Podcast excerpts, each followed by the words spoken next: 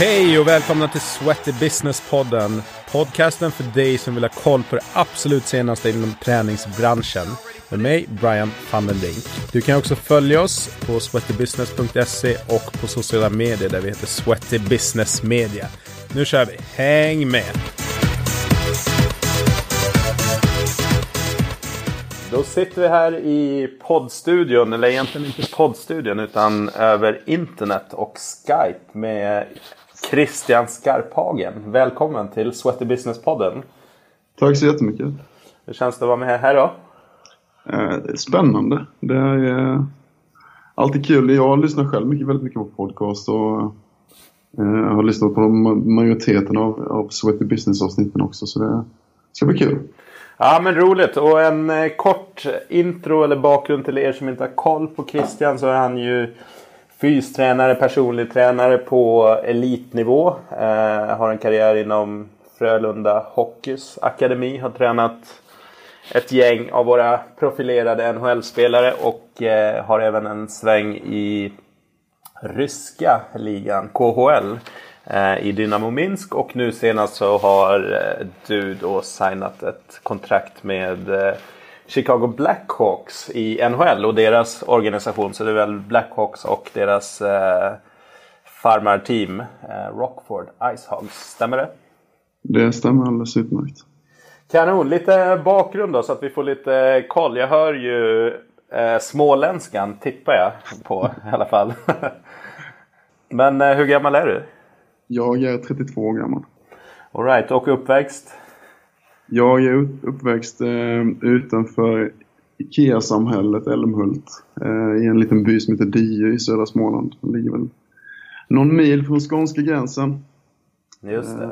Vad, nu vet jag ju att du är eh, elittränare, men hur har din väg fram liksom, i korta ah, sammanfattat? Liksom, hur, hur har du kommit fram till där du är idag egentligen?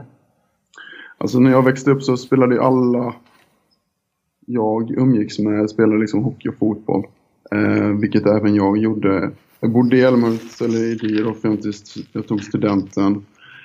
Flyttade till Ljungby några år och spelade fotboll på lite högre nivå.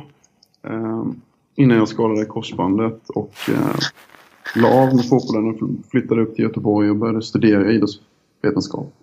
All right på Göteborgs universitet. Och så det var väl första steget, ska man säga, första utbildningssteget så att säga. Sen därifrån så har det bara rullat, rullat på med en massa privata utbildningar, eller vad man ska kalla dem, med STAC. Eh, Scandinavian Top Athletic Center, det har blivit 3D-funktion, det har blivit Grey Institute, en massa onlinekurser och sen givetvis en, en, ett stort egen vad säger man, egen driv av att eh, vilja lära mig mer oavsett om det är böcker eller podcaster eller att sätta mig i sammanhang och prata med personer som, som jag kan lära mig av. Just det. Ja, spännande. Har du någon eh, egen träningsfilosofi för dig själv eller när du använder gentemot dina klienter som du jobbar med?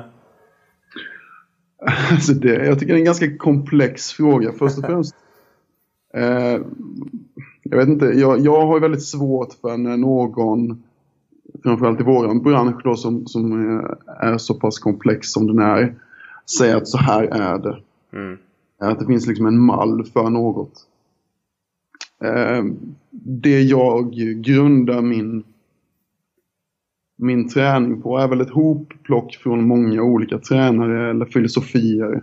Eller vad man ska kalla det. Det kan vara Kända namn som Polly Quinn, Check Boyle, eh, Joe DeFranco, Grey Institute nämnde jag precis. Eh, senaste tillskottet som jag har konsumerat väldigt mycket Brett eh, Bartholomew i, i USA.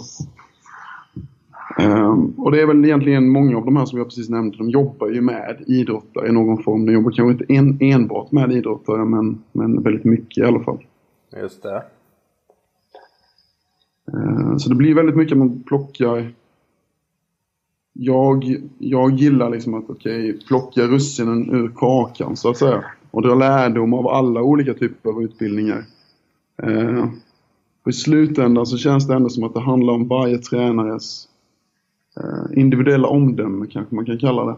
Mm. Att bedöma varje unik situation, varje unik person och, och vad den personen gillar eller ogillar. Men tror du att det är, det en nyckel i din framgång? Eh, jag ser ju liksom att du, eh, ja, precis som du beskriver, att du, du konsumerar ju olika typer av, eh, jag får kalla det koncept, utbildningar och filosofier, personer liksom. Är det, skulle du säga att det är en framgångsnyckel? Ja, det tror jag. Att, att inte vara gift med en, en specifik övning eller ett specifikt koncept. Utan vara öppen. Att liksom, ja, men det, finns, det finns bra saker i väldigt mycket. Det är bara frågan om hur man kan applicera det i, i sin vardag på de man jobbar med. Mm. Så, så, skulle jag försöka. Alltså, och sen en annan, som jag sa innan, Bartholomew, som jag har konsumerat mycket nu senaste tiden, jobbar mycket med kommunikation. Eh, som tränare, oavsett om man jobbar med som personlig tränare eller fystränare, oavsett om klienten är en 70-åring eller en 25-årig elitspelare så handlar det hela tiden om hur kan vi kommunicera och nå fram till den som vi har framför oss så, så, så effektivt som möjligt. Ja, den är ju superviktig och jag tror att den, ehm, den är på tapeten väldigt mycket. Jag intervjuade Philip Mills som är eh, ja, koncernchef på Les Mills. Och han pratar just om eh, de här så kallade rockstar teachers. Liksom att, och han var nästan inne på att gym, gymkedjor, och nu pratar han ur, ur gruppträningsperspektiv. Men han bara, men man kanske ska rekrytera ifrån folk som är vana att stå på scen. Alltså dansare, skådespelare, den typen. För att det är en så jäkla stor del utav att faktiskt lyckas nå ut med sina budskap och nå, nå framgång och fylla sina klasser eller fylla sina eh, sin kundstock som, som personlig tränare. Ja, men så är det. Och, och, och, man kanske också ska lägga till att jag skulle säga att det här att man, man, när de känner att man bryr sig så är det också lättare för mottagaren att, att ta in det man säger. Mm. Att man bygger liksom förtroende över tid. Topp! Men eh, vi studsar in i din, eh, din karriär. Jag har valt att, att, hoppa in i Frölundas akademi. Men det kanske hände lite intressanta saker dessförinnan. Men, eh, men hur kom du in på hockeyn som ändå har blivit din, eh, det området som i alla fall syns utåt eh, väldigt mycket i, om man följer dina sociala medier. Hur, hur kom det sig att det blev just hockeyn? Eh, som jag sa innan så hockey, fotboll och lagidrott överlag har alltid varit eh, väldigt, det har fallit sig väldigt naturligt för min del. När jag flyttade upp och pluggade idrottsvetenskap i Göteborg så um, läste jag även mitt sista år på universitetet så läste jag även stark elittränare som är en betydligt mer praktisk utbildning än vad uh, en ganska teoretisk akademisk utbildning kan vara. Uh, och då fick jag också in foten som en typ av internship eller praktikplats kan man väl kalla det. Under hela det sista året så var jag även fystränare för Frölunda Akademins yngsta lag då som är U16 där de är 15 eller 16 år gamla. Så när jag var klar på universitetet så var jag också klar med, klar med utbildningen i, eh, i Ronneby. Så Bille ville Frölunda ha mig kvar och jag ville givetvis också vara kvar så då fortsatte den, den resan. Så jag var kvar i Frölunda i fem år. Totalt innan vi gick skilda vägar. Hur eh, skulle du säga att eh, synen eller hur, hur klubben, jag vet inte exakt hur Frölunda jobbar med de här bitarna men det känns som en klubb som ligger väldigt långt framme i Sverige i alla fall kring eh, akademi och, och där fysträningen såklart ingår. Men har det förändrats under de här fem åren som du var att du märkte att, att just fysdelen fick ta större plats och, och så? Svårt att svara på. Jag vet inte riktigt hur, de, hur det var innan jag kom in givetvis. Jag vet att vi tränade väldigt, väldigt mycket när, vi, eh, när jag var där. Eh, på ett positivt sätt. Jag vet att alltså man, man snackar hela tiden om att vi ska skaffa oss goda vanor och att ja, men som hockeyspelare så är det väldigt lätt att fokusera på det som är den roliga delen så att säga, vilket är det som händer på isen. Men för att kunna bli elitspelare, för att kunna utbilda någon till att förstå vad det är som krävs, så krävs det också sjukt mycket vid sidan av isen. Ehm, att lägga märke till alla de här små detaljerna och efter att ha varit där i fem år och man har sett väldigt stora, eller jag har sett väldigt stora spelare och talanger jobba på daglig basis och märkt liksom, okej, okay, de, de, de som är de största talangerna är ju också de som är de mest noggranna och gör jobbet varje dag. Så det går verkligen att diskutera vad som är talang. Men eh, de här 16-åringarna som du hakade på. Var det de som kanske just nu då som har nått, nått högst. De är ju inte så gamla än så länge heller. Eh, men eh, var det de som var tidigt utvecklade som du såg redan då som faktiskt blev de som är bäst nu eller förändrades det över tid? Jag skulle säga att det finns nog både och. Det finns definitivt de som var tidigt utvecklade och som, som har fortsatt i en bra kurva så att säga. Eh, sen så jobbade jag, det var första året som jag var med 15 och 16-åringar och sen växte den rollen hela tiden. Så jag var uppe och jobbade med ja, mellan 15 och 20-åringar. Så det är alla de lagen som är under Frölundas A-lag kan man säga. Men det finns även de som är ganska sena i sin, i sin utveckling men är väldigt hård, hårt jobbande och eh, hög arbetsmoral som har tagit dem och, och är idag eh, i Frölundas A-trupp istället. Det var definitivt inte de som var de största talangerna. Nej. Alright. Är det några namn som sticker ut därifrån den, eh, de årskullarna som du jobbade med? Jag ställer om den. Är det, mm, finns det några namn eh, där som, som sticker ut som man kanske känner igen på lite bredare basis från de som du har jobbat med i, sen Frölunda-tiden? Alltså den som har fått störst uppmärksamhet skulle jag nog säga är Rasmus Dahlin. Även om jag jobbade inte med honom i fem år, jag jobbade med honom i två. Just det. Eh, men om man tar det senaste året, när man går som draft-etta då eh, i NHL-draften så, så blir det också väldigt stor uppmärksamhet på det. Mm. Eh, men det finns andra som sticker ut. Jag tycker William Lagersson, han spelade i Djurgården förra året. Kommer vara i Edmontons organisation i år. Kristoffer Ehn, Linus Weissbach.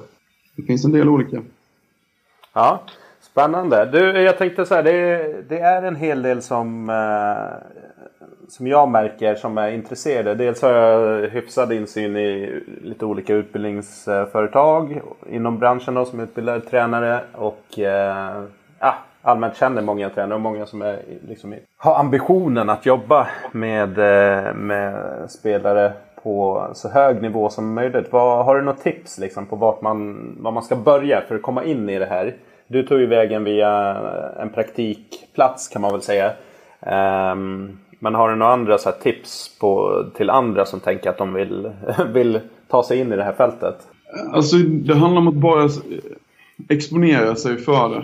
Um, söka praktikplatser, söka att jobba gratis om man vill liksom komma in i det tidigt. Eh, för att skaffa sig erfarenhet, bygga förtroende, bygga eh, någon typ av vana i det. Eh, det, det, det, är inte lätt alltså, det finns väldigt begränsat med platser. Jag hade turen att komma in i Frölunda. Det var en, en blandning av tur och timing och, och skicklighet också antar jag. Eh, men det är klart att det hjälper till att söka sig till de större organisationerna som har bättre förutsättningar för att, för att man ska kunna vara kvar. Såklart. Mm. Yes. Om, man vill jobba med lag så att säga. Yes. Även, även, eh, det finns ju tennis och golf också såklart men jag antar att där har jag inte jobbat lika mycket med organisationer men jag antar att det fungerar på liknande sätt där. Man måste liksom utanför sin komfortzon och ta steget och inte vara rädd. Nej, bra tips. Jag tror det är många som behöver höra det. Att, uh, ja, man får vara beredd på att jobba hårt och jobba till viss del gratis också i början. Jag tror att det är där kanske skon klämmer på många. Att man, man tänker sig att man ska ha superbra betalt uh, direkt och liksom få jobba med de bästa på en gång. Ja, det, det är inte helt lätt. Nej.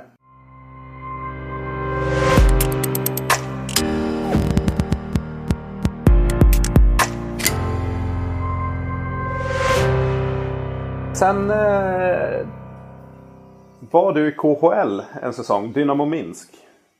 Det stämmer nu. Berätta lite hur, eh, för det är ju en, för de som inte har koll på hockeyvärlden så har du ju NHL såklart som är nummer ett globalt sett och så har du KHL som en superstark eh, utmanare eh, på den europeiska spelplanen än så länge. Nu har de ju förgreningar in i Kina och så. Så det är ju en, en supermöjlighet och en, eh, ja, verkligen ett häftigt uppdrag. Kan du berätta lite hur det gick till när du fick det uppdraget och så? Eh, absolut. Det var ju så att jag eh, efter fem år i Frölunda så, så bestämde jag mig för att jag ville, för jag hade parallellt med min anställning i Frölunda hade jag även startat mitt eget företag där jag tränar eh, de här NHL-spelarna exempelvis. Men även vanliga motionärer vid sidan av. Det hade min anställning i Frölunda och när jag hade beslutat mig för att för att testa på något nytt efter fem år där så var då tanken att jag skulle köra på mitt egna företag istället på heltid. Ehm, det höll väl i ungefär en månad innan, innan det här dök upp. Som, eh, som ett, eller en förfrågan till att börja med. Det var eh, gemensamma kontakter. Eller gemensamma bekanta kanske man ska kalla det. Med den nytillsatta tränaren i i Dynamo Minsk då, som var en kanadensare som heter Craig Woodcraft. Som sökte eh, ny tränare, ny träningsfilosofi, inte ville göra det här gamla old school ryska träningen utan ville göra liksom nya influenser på ett smart, smart sätt där man tränar idrottare och inte bara träna för att träna liksom. För det där är också, äh, bara spela in på den här gamla ryska skolan. Jag känner ju lite äh, spelare, tidigare spelare som har varit över i Ryssland. Och där de har berättat om försäsonger som låter helt galet med tre pass om dagen och liksom verkligen kör ner, eh, kör ner dem i, i skiten. Liksom, och blir man skadad eller sjuk så är man liksom i princip borta. Eh, ja. var, det, var det den typen av grej som han ville plocka bort.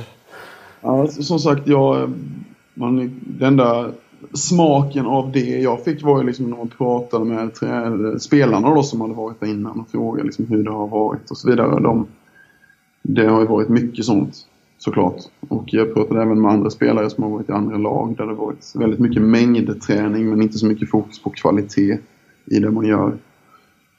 Eh, ut och springa en mil eller Mm. Vad det nu kan vara. Liksom. Och du vet, de flesta vet att okay, men har du en, en hockeyspelare som är ganska... De tenderar att vara ganska stora. Kanske inte har det bästa löpsteget. Nej. Det finns mycket massa att flytta på. Liksom, de är stora och starka. Så att springa en mil det, det gör mer skada än nytta exempelvis. Då. Mm. Eh, I vårt fall så, så kunde vi ju, med tanke på att ledarstaben i Minsk var, det var jag och som var det tre stycken kanadensare. Så huvudspråket var ju eh, engelska som översattes till ryska, vilket underlättade givetvis. Eh, men vi hade också en liknande mentalitet gällande träning. Att det vi kör kommer vara eh, hög kvalitet på istället. Mm. Framförallt det området som jag jobbade med då, som var ansvarig för, för fysträning men även eh, rehabträning då i, i dialog med läkarna som var där. Ehm, så, så jag hade väldigt fria tyglar på vad vi kunde och inte kunde göra. Problematiken som uppstår är ju när de ryska, eller de, jag ska inte säga allihopa, men det fanns två, tre stycken av de ryska spelarna som liksom är inkörda i det gammeldagsa tänket att, att vi börjar jobba när träningsläget börjar liksom. Vilket innebär att om man kommer in med en fettprocent på mellan 18 och 22 procent. Så finns det lite jobb att göra för att komma ner och komma i matchform. All right. Och då behövs det lite mängd på dem också. Eh, men man får göra det på ett smart sätt istället. Just det. Försöka spara deras kroppar. Men för det där är också intressant. Finns det egentligen någon off-season på, på hockeyn idag? Att de kan ta ledigt liksom? Och hur lång är den tiden som de verkligen kan, kan slappna av innan det är dags att kliva på. Och min upplevelse utifrån det är ju att ja, säsongen mer, mer, mer eller mindre snurrar på nästan året runt. Liksom. För att när du kommer till campen så ska det vara hyfsat bra shape liksom för att kunna konkurrera. Ja, nej men så är det ju. Alltså grejen är att det är lite, först och främst kanske det är lite olika mellan KHL och NHL då. Eh, KHL så börjar de här camperna i början på juli för att säsongen börjar mycket tidigare. Nu kanske den börjar i, mitten, eller i början på september skulle jag gissa på. Medan i NHL så börjar ju säsongen i oktober. Just det. Åker, åker över i början på september. Eh, men grejen är att deras kroppar är ju deras verktyg. Det vill säga att fungerar inte kropparna optimalt så har de ju sannolikt inte så lång karriär. Nej. Eh, det är det som är problematiken. Så det är klart att det går att ta semesterveck en semestervecka, kanske precis efter säsongen. Eh, då är det nog den som, det är nog den längsta semestertiden de har, att man tar allt mellan en och fyra veckor beroende på när säsongen tar slut. Och sen kanske man hinner med den en vecka till under sommaren. Eh, men utöver det så är det ganska mycket träning. Definitivt. Mm. Spännande.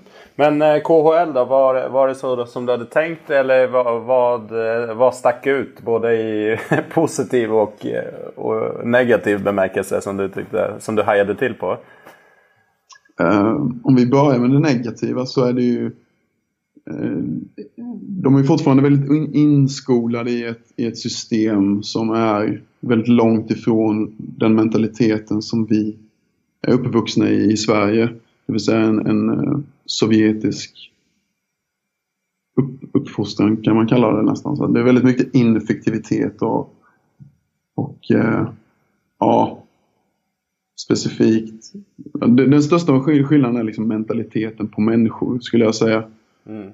Uh, och det här ben jag definitivt inte i klubben jag var i, för den var ganska härlig. Men jag menar liksom det ryska samhället överlag. Det är en ganska stor skillnad.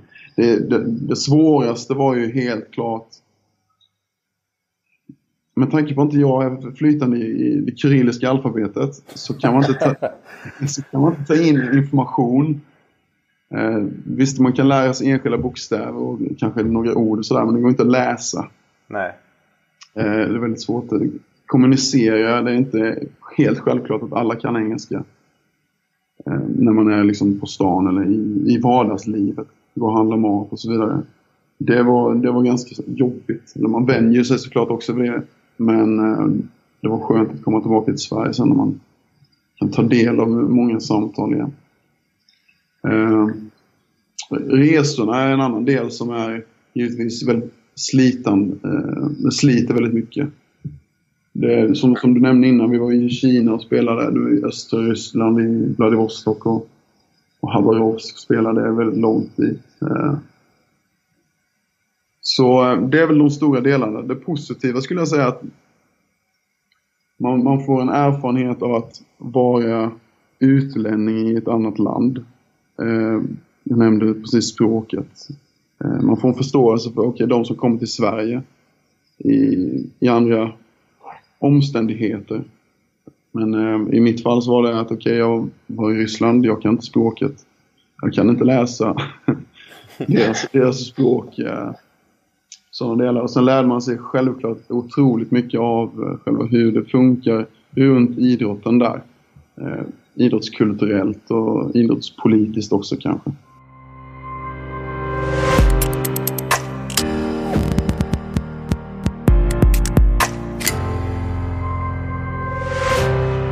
När jag kom hem från Minsk eh, så var det våren 2017 måste det ha varit ja. Precis, jag har varit hemma i Sverige ett år nu innan jag skrev på Chicago.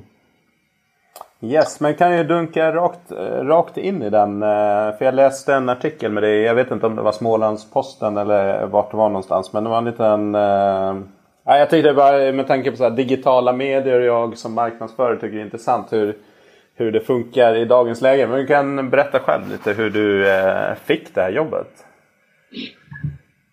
Eh, jag tränar ju en hel del eh, hockeyspelare på elitnivå under somrarna varav två av dem har varit i eh, Chicagos organisation tidigare. Eh, Viktor Ståhlberg och Viktor Svedberg. Och det var på grund av Svedberg som, som jag tog kontakt med organisationen. För att han hade haft en massa skador och lite operationer och så vidare. Och eh, vi hade en liksom gemensam beröring, beröringspunkt kring honom då, så vi snackade ganska mycket kring hur vi skulle gå, gå framåt i, i, den, i det avseendet. Ja. Eh, och sen så bjöd de in mig i, eh, till Rockfords camp förra året. Det vill säga för nästan exakt ett år sedan då. Ja. Så jag, jag var över här och hälsade på och eh, som, som besökare helt enkelt i en vecka. Och träffa någon som människor, se hur det funkar och allt det där. Eh, och, och sen dess så har vi väl hållit kontakten och liksom, för vi jobbar trots allt inom samma område och med samma typ av klientel liksom. Sen efter årsskiftet, eh, någon gång februari-mars kanske det var, så, så visade det sig att de tittade på en eh, förändring på fystränarsidan och då dök mitt namn upp ganska snabbt. Ja, Eh, ja, och, och sen så eh, när det väl var bestämt så var jag nere och träffade eh, deras GM Stan Bowman i, i Köpenhamn under hockey-VM. Eh, för att få liksom en, en, ge dem ett ansikte på vem jag är och, och jag får även träffa dem som, som ledande i organisationen. Och eh, när var detta då? Detta var i början på maj. Ja, det var väl ungefär då som, som det, kontraktet skrevs på också. Hm. Så när, när det väl var beslutat så gick det ganska snabbt. ja härligt. Jag antar att det kändes jävligt uh, nice, eller? Ja, absolut. Det är ju... Jag såg ju inte den komma. måste säga. Jag menar, de, jag gillade organisationen självklart och de gillade vad de eh, såg och hörde från mig också. Så det kändes som att det fanns, eh, fanns mer att, att bygga vidare på här. Mm, för det är ju inte eh, vilken organisation du kommer till som helst. Om man tar, ska jag säga de senaste tio åren så är väl Chicago liksom en av de eh, klubbarna i NHL som har legat, ja, men som har legat i, i topp. Liksom, och varit med och slagits om eh, Stanley Cup-bucklan. Ja, så är det ju tillsammans med Pittsburgh. Ja. Eh, De har vunnit, som vann Stanley Cup 2010, 2013 och 2015. Så nu först, förra året så var det då första året på väldigt lång, väldigt lång tid som de inte tog sig till slutspel. Men eh, så, så du åkte över här efter sommaren. Men hur ser, eh, hur ser arbetet ut liksom du beskriver? Vad, vad, hur ser dagarna ut? Vad, vad gör du? Min, min roll är tvådelad kan man säga. Alltså under säsongen, under hockeysäsongen så kommer jag vara i, i Rockford, vilket är deras farmarlag. Som ligger en och en halv timme utanför Chicago kan man säga. Ehm, så jag följer, följer laget under säsongen och jobbar som fystränare. I Rockford. Mm. Under off-season då, som är efter det att säsongen tagit slut och beroende på när laget har åkt ur, eller hur långt man går in i slutspelet, så kommer jag åka tillbaka till Sverige och ha eh, vara stationerad där i stort sett. För då är min, min, mitt fokus utveckling istället. För då har ju Chicago eh, rättigheterna till ganska många europeiska spelare. Kanske fortfarande inte har tagit steg, men fortfarande inte tillräckligt bra för att spela i Chicago eller i Rockford. Men de har fortfarande rättigheterna till, det, till dem då. Så då är min roll att åka runt i Europa och eh, träffa de här spelarna. Träffa deras tränare, bygga relationer och liksom se hur vi kan hjälpa till för att optimera deras utveckling så mycket vi kan. Eh, oftast så har de ju någon typ av tränare eller de jobbar med ett lag på hemmaplan. Men det är inte alltid det är så. Då liksom, oavsett om de jobbar med en tränare eller om de inte jobbar med en tränare eller ett lag så, så har ju vi de ekonomiska musklerna för att kunna supporta eh, så, mycket, så mycket som möjligt. Mm. Hjälpa till och eh, stötta i deras utveckling. Så det är min andra roll så att säga. Och, ehm, men för farmarligan drar den också igång i oktober? Eller är ni redan igång med seriespelet eller? Eh, vi drar igång nu på fredag. Ja. Då blir det 5 oktober. All right. Hur ser liksom de arbetsdagarna ut? För att man eh, tidigare var det i alla fall mycket snack kring bussresor och mycket resande även i den ligan om vi refererar tillbaks till KHL också. Mm.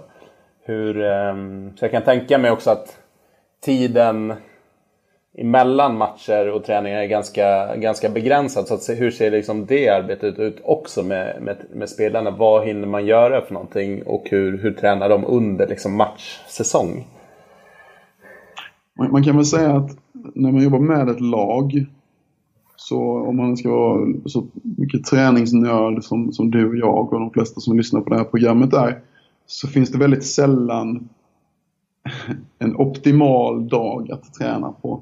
Mm. Utan det som man får kompromissa ganska mycket. Det är väldigt sällan som man är helt utvilad eller som man är eh, inte på resande fot. Eller man får klämma in dem. Hur mycket tid har vi att tillgå? Hur mycket utrustning har vi att tillgå? Hur mycket plats har vi att tillgå för att träna ett helt lag? Så det är ganska mycket kompromissande som man lär sig att, att zigzacka emellan som, som fystränare. Och inte minst i den här ligan då så kommer det vara det kommer definitivt vara en del bussresor. Det kommer vara det funkar så att vi har det är olika divisioner och de lagen som är i vår division möter vi lite oftare än de andra mm. lagen. Så att säga. Och de är oftast då li, lite närmare. Det kan vara allt från en och en halv timme buss till fyra, fem timmar i buss. Eh, och, och de som ligger längre i vägen så kommer vi flyga till. Så vi har någon, vi ska till eh, Arizona, vi ska till Texas och någon resa till Kanada där vi, där vi flyger då. Hittills då? Vad är det så som du har tänkt dig eller är det något som är, som är annorlunda, som sticker ut? Alltså det som sticker ut om man jämför med både Sverige och KHL så skulle alltså det är professionalismen som, som är här. Både kring spelarna men även i hela organisationen. Det är väldigt professionellt. Hittills så, eh, jag nämnde det, nämnde det lite tidigare innan, innan vi började här att det har varit väldigt mycket. Vi hade en camp uppe i Michigan i några dagar och sen har vi varit på huvudcampen i Chicago här i 10-12 dagar och nu, det är först nu som vi är tillbaka i Rockford. Så det har varit väldigt mycket resande och, flängande och man har, det har varit otroligt mycket träning. Men man har inte riktigt kommit in i rutinerna ännu. Nej. Vad, men just det här med kring professionalism, om man ska liksom konkretisera det. Någon som kanske jobbar, jobbar i Sverige och liksom har den vardagen kontra din nya vardag. Liksom, kan du ge exempel på saker som, som faktiskt skiljer sig ganska stort? Budgeten. ja, den detaljen. Ja, den lilla detaljen. Ja.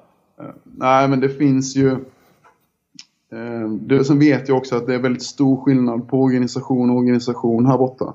Jag vet att Chicago är en av de eh, mest, mest välmående organisationerna i hela ligan. Eh, vilket kanske också gör sitt till.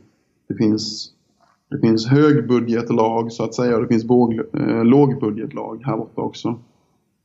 Mm. Såklart. Ja, såklart. Men det är väldigt mycket, alltså du var inne på det lite innan med, med tanke på att spelschemat är så extremt komprimerat och det lägger till resschema över flera tidszoner. Det är en aspekt som vi inte har i Sverige exempelvis. Mm. Eh, vilket gör att återhämtningsdelen, oavsett vad kan vi göra för att förbättra eller för, snabba på återhämtningen bara, bara lite lite, eh, gör väldigt stor skillnad. Man lägger väldigt mycket eh, tid och resurser på det. Um, just det, jag fick in en fråga här kring vil, uh, vilka digitala verktyg jobbar ni med? Några konkreta verktyg liksom för att tracka spelarna och, ja, och vad är det för något i sånt fall? Det gör vi. De, får, eh, de har lite olika verktyg. Dels finns det ett verktyg som heter Omega Wave där de eh, graderar sin egen energinivå kan man väl kalla det. Och det, det är liksom, man kan säga så här, du har, du har ett frågeformulär och sen kan du även synka det frågeformuläret med det här Omega Wave då, som är en lite mer fysiologisk del av det. Den, den vanliga frågeformuläret är mer subjektivt. Okay, hur känner du dig idag? Hur mår du? Eh, har du sovit bra? Har du ätit bra? Eh, om, om inte, varför? Alltså ganska basala, enkla frågor och utifrån det så kan man följa upp eh, varje enskild spelare i stort sett. Yes. Och hur, de, hur de känner sig och om det är positivt eller negativt. Eller Hur ofta, var, varför är det som det är? Och så man även får spelarna att reflektera kring eh, bu eller bä då. Om det, om det är positivt eller negativt. men hur ofta går de igenom den här testen, eller vad man ska kalla det? Eh, det kan man egentligen ställa, ställa in helt och hållet själv. Vi har eh, ett par dagar i veckan. Okej, ja. Någonting annat eh, i digital väg som vi kanske inte har här i, i Sverige som vi känner till eller som ni använder ut, utav?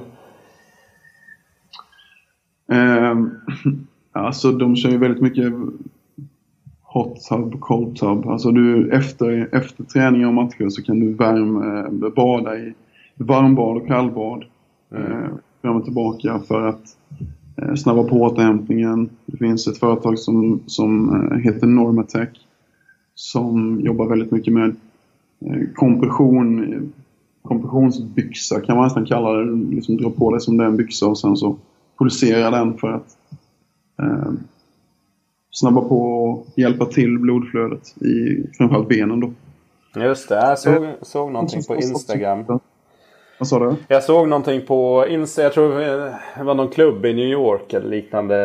En studio egentligen, en återhämtningsstudio som hade de här eh, byxorna. Jag tror att det var Normatec.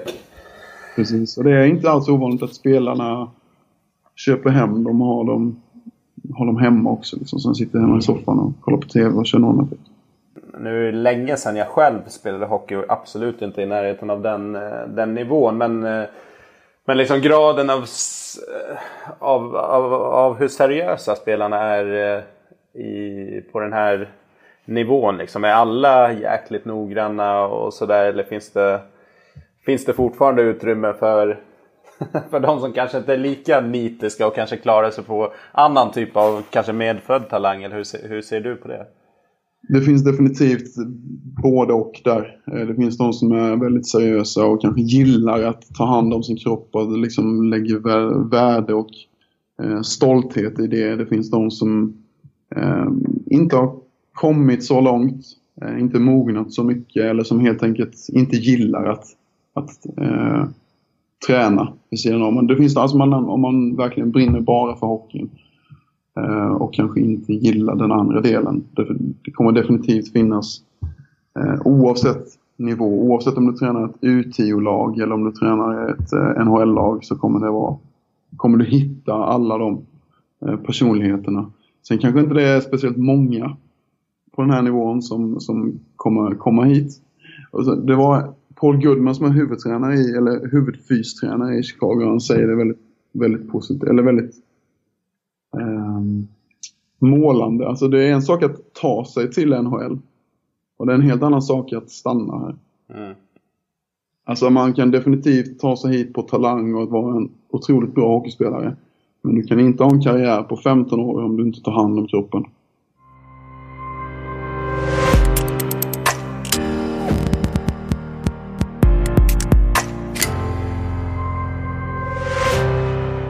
Vad har du för mål med, med ditt tränarskap och vad vill du, vad, vad ser du dig själv i framtiden? Svår fråga. Eh, när, jag, när jag slutade i Frölunda och eh, skulle satsa på mitt egna och, och då dök KHL upp som en möjlighet och när, jag väl, när det väl det blev konkret och jag hade möjlighet att tacka ja så var ju det den högsta nivån att, som jag möjligtvis kunde liksom utmana mig själv på.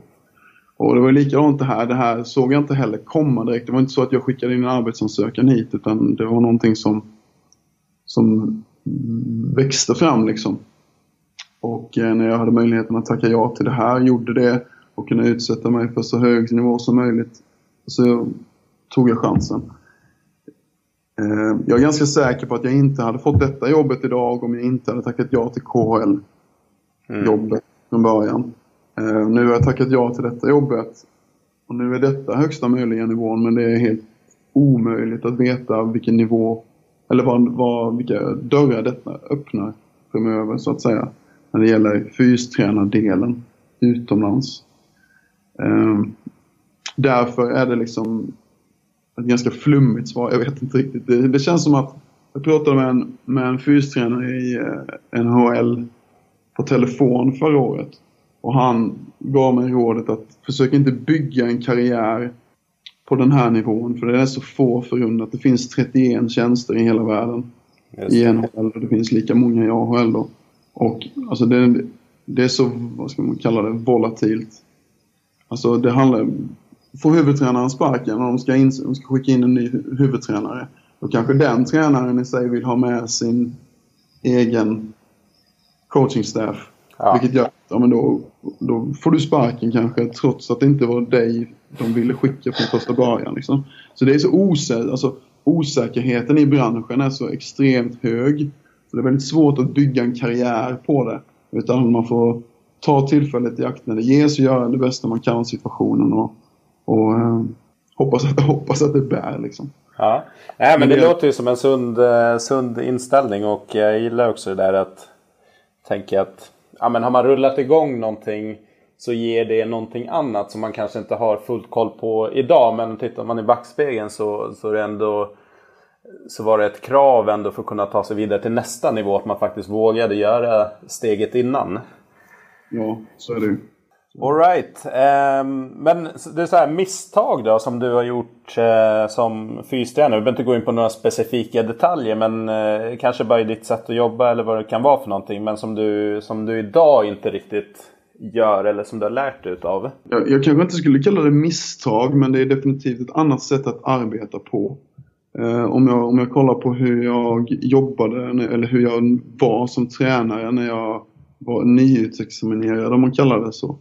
Så var jag väldigt fokuserad på prestation. Liksom att hoppa högt, hoppa långt, springa snabbt, lyfta tungt. Även om det liksom alltid har förespråkat att, att vara smart, lyfta tungt men smart så att säga. Eh, bättre uthållighet och så vidare. Eh, det är ingenting som jag direkt ångrar idag. Eh, men jag märker hur jag har formats mer och mer till att, till att först och främst fokusera på kvalitet i rörelse och långsiktighet i träningen. Eh, och ett fokus att det handlar om att utövaren absolut ska känna sig stark, snabb och uthållig men kanske inte på bekostnad av smärta eller brist på rörlighet eller eh, eventuella skador. Så det är nog mer ett mindset-skifte som har hänt under tiden som, eh, som jag har jobbat. Men de här liksom elitspelare, ja det är ju deras yrke liksom och är man på Ja, till och med på svensk nivå kan du tjäna bra med pengar liksom, lokalt. Men kommer man till KHL och NHL så är det helt annan utväxling. Så att såklart så vill ju de maximera. Hur, är, hur Finns det något speciellt i liksom, de här elitspelarnas mentalitet som man behöver ha i åtanke? Eller som man behöver tänka till kring jämfört med att kanske jobba med med vanliga PT-kunder på gymmet? Ja, det, det, är definitivt en skillnad där. Eh, dels så är det kanske en liten, lite för generell vinkel för att jag ska kunna ge ett, ett eh, snabbt svar. Det är ganska stor skillnad på om du tränar enskilda idrottare eller om du tränar lagidrottare. Eh, det är också ganska stor skillnad på om du tränar yngre eller äldre mm. idrottare. Alltså har du en äldre så, så har de ju helt klart mer erfarenhet och kanske i mitt fall då, jag kommer ihåg en av de, en av de äldre spelarna som jag har tränat. Han är, lik, han är lika gammal som mig, eh, men han har ju varit i proffsvärlden betydligt längre än vad jag har varit i proffsvärlden. Liksom. Så det var, där blev det mer att det blir nästan så att man har mer en dialog av hur man ska lägga upp träningen snarare än att jag står med pekpinne och säger att så här ska vi göra och, och du ska bara följa. Mm. Eh, det funkar liksom inte riktigt utan de är också väldigt kunniga och erfarna och vet vad som funkar för deras kroppar. Eh, så får man liksom forma det utifrån, utifrån eh, en dialog snarare än, en monolog. Yes. Eh, ja, nej, men den största skillnaden är att de är vana vid en helt annan typ av ledarskap och coaching. Så de har ganska höga förväntningar redan, vilket, vilket jag gillar för då måste jag liksom steppa upp varje dag för att, för att kunna vara den bästa coachen jag kan vara. Ja. Det, skulle jag säga, det skulle jag säga är definitivt den största, den största skillnaden. Topp, topp! Vi har kommit vidare till en eh, ny sektion här i podden som jag kallar vad säger du om det här? Så att jag kommer komma med tre stycken påståenden som eh, du får bemöta helt som du känner för på volley. Är det om hockeyspelare eller är det om tränaryrket? Eller vad? Det kan vara om både och. Okej, okay. ja, ja. Och eh, jag har fått några av de här eh, förslagen inskickade så att vissa har jag eh, snickrat ihop själv och vissa har jag fått från folk som är insatta i, i din värld. Okay. Och den första är att cashen flödar i KHL. Framförallt bonusar i kontanter. I kontanter. Eh, bon bonussystemet i KHL är eh, definitivt eh, väl utbrett. Ehm, de, eh, vi hade en tränare i, eh, i KHL som, som, jag kan citera, han sa det går inte att motivera dem på något annat sätt än genom rädsla och pengar. Vilket kanske är hälften sant och hälften på skämt. Men det ligger, ligger helt klart någonting i det. Mm. Men jag vet inte om det är, alltid är kontanter. Det är inte, så, inte det jag såg när jag var där i alla fall. Kanske old school eh, tiden. det kom med en påse eller någonting. Ja. Eh, nästa påstående är att, och det här är mer kopplat till, eh, till NHL och där du är också i, i Rockford. Att klubbarna skiter egentligen i skador och kör på tills det inte går. Ja, det, det känns som att det är en väldigt bred generalisering. Jag tror att det är ganska stor skillnad på organisation och organisation. Jag kan ju bara svara för hur, för hur jag märkt att det funkar. I Chicagos organisationer där är det väldigt eh, nästan att man tar det säkra före det osäkra istället än tvärtom. Eh, och den sista är att det festas rätt hårt även på toppen, mer än man tror. Menar du under säsong eller under eh, sommaren? Jag lämnar det helt öppet. Eh, under sommaren så kan jag väl definitivt eh, förstå om det, om det festas. När de, vi var inne på deras eh, hur säsongen ser ut överlag. Så det enda fönstret som finns ledigt är ju egentligen under sommaren och om man ska kunna släppa loss lite då. Samtidigt så, så måste man ju kunna fortsätta träna som man ska. Under säsong, ingen aning. Jag tror det är sjukt individuellt. Det var likadant, du var inne på den här enskilda spelaren innan. Ja. Det är en spelare i ett lag. Eh, det finns garanterat ett ganska stort spann på det inom det ämnet. Liksom. Mm. Men tror du utrymmet för, alltså om man pratar under säsong, för att sväva ut, minskar det? Eller? Eh, för man har ju hört och läst, liksom, inte minst typ ja, men Håkan Loobs eh, självbiografi. Han var med i någon podd också och berättade lite grann hur, hur det kunde vara i Calgary på slutet på 80-talet, 90-talet. Det kändes ändå som att det var ganska um, en, mer, alltså en annan typ av kultur där det, där det var en del party. Sen var de ju sjukt duktiga spelare. Men tror du att hockeyn blir så pass professionell och att det är så pass mycket på spel att det är svårare med de utsvävningarna? Ja, det är definitivt. Om du kollar, detta var 80-talet. Det är gott och väl 30 år sedan. Mm. Uh, det är det är väldigt stor skillnad på hockeyn idag om ni jämför med 30 år sedan. Jag skulle säga att det är ganska stor skillnad på hockeyn idag om ni jämför med 15 eller 10 år sedan också. Ja. Om du kollar på en match eh, 10 år tillbaka så, så ser du att det, är, det går snabbare idag. Det, det funkar inte på samma sätt som det gjorde förr. Eh, sporten har helt klart utvecklats.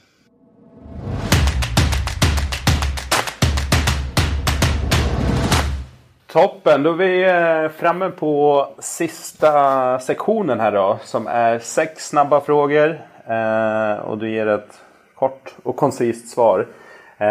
En app som du använder mycket? Headspace. Headspace, mm. mindfulness-app. Vad är det? Meditation? Ja, meditation. Eh, tio minuter om dagen, det, det är lagom mycket. Instagram har du säkert med där uppe också, får jag väl erkänna. Anteckningsappen an mm. använder jag mycket. Det är väl de tre. Väldigt bra med anteckningsappen alltså. eh, en podd som du lyssnar på eller en bok som du har läst som du kan tipsa om? Eh, jag tipsade om eh, Brett, Brett Bartholomews eh, Conscious Coaching-boken. Eh, tycker jag är väldigt bra.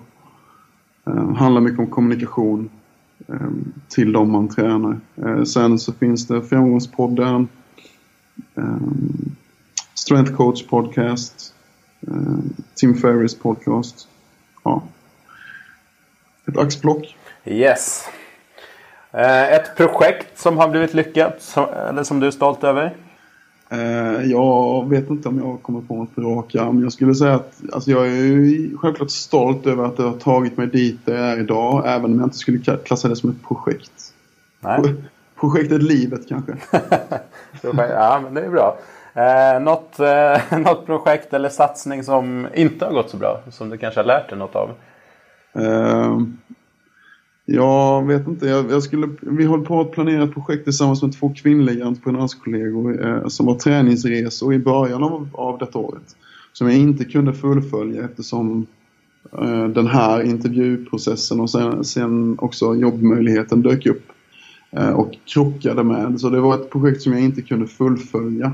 Vilket inte alls kändes bra. Men, eh, men det är väl också någonting man lär sig av att även sådana saker som inte blir av som man liksom, okej, okay, gör en mental note på att eh, ta inte på dig för mycket. Nej, bra tips. Eh, någon person som du ser upp till eh, eller har haft, har, har haft som förebild?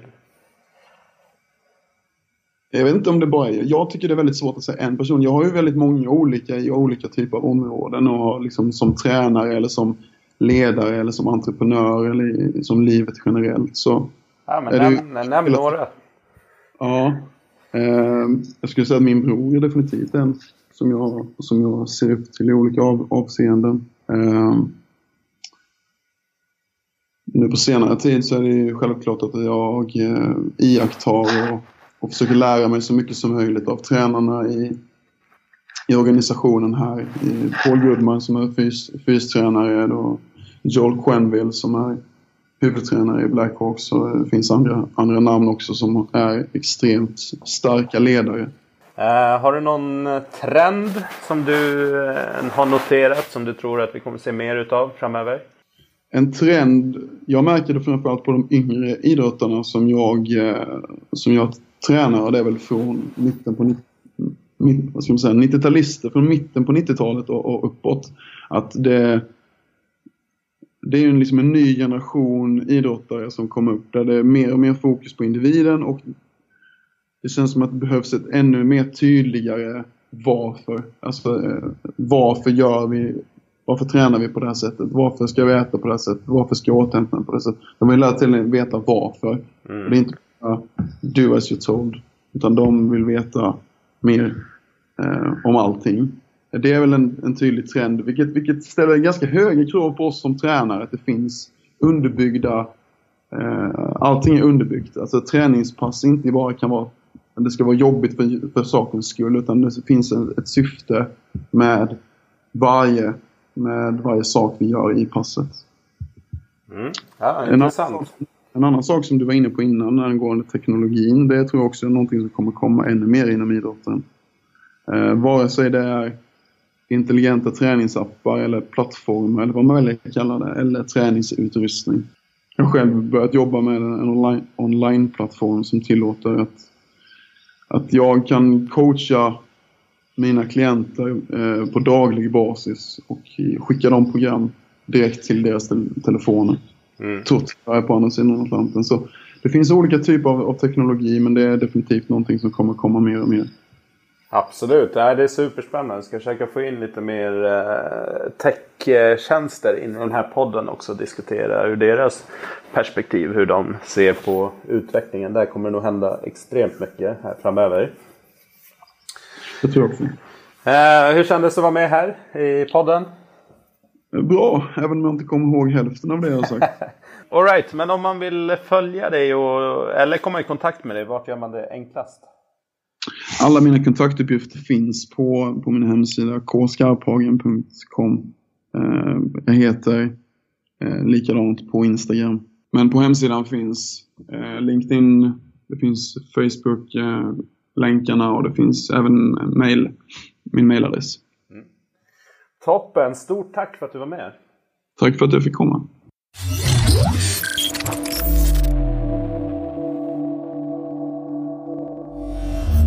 Vill du haka på oss i vardagen och ha koll på det senaste inom träningsbranschen så surfa in på sweatybusiness.se eller följ med på våra sociala medier där det är dagliga uppdateringar, i alla fall vardagar.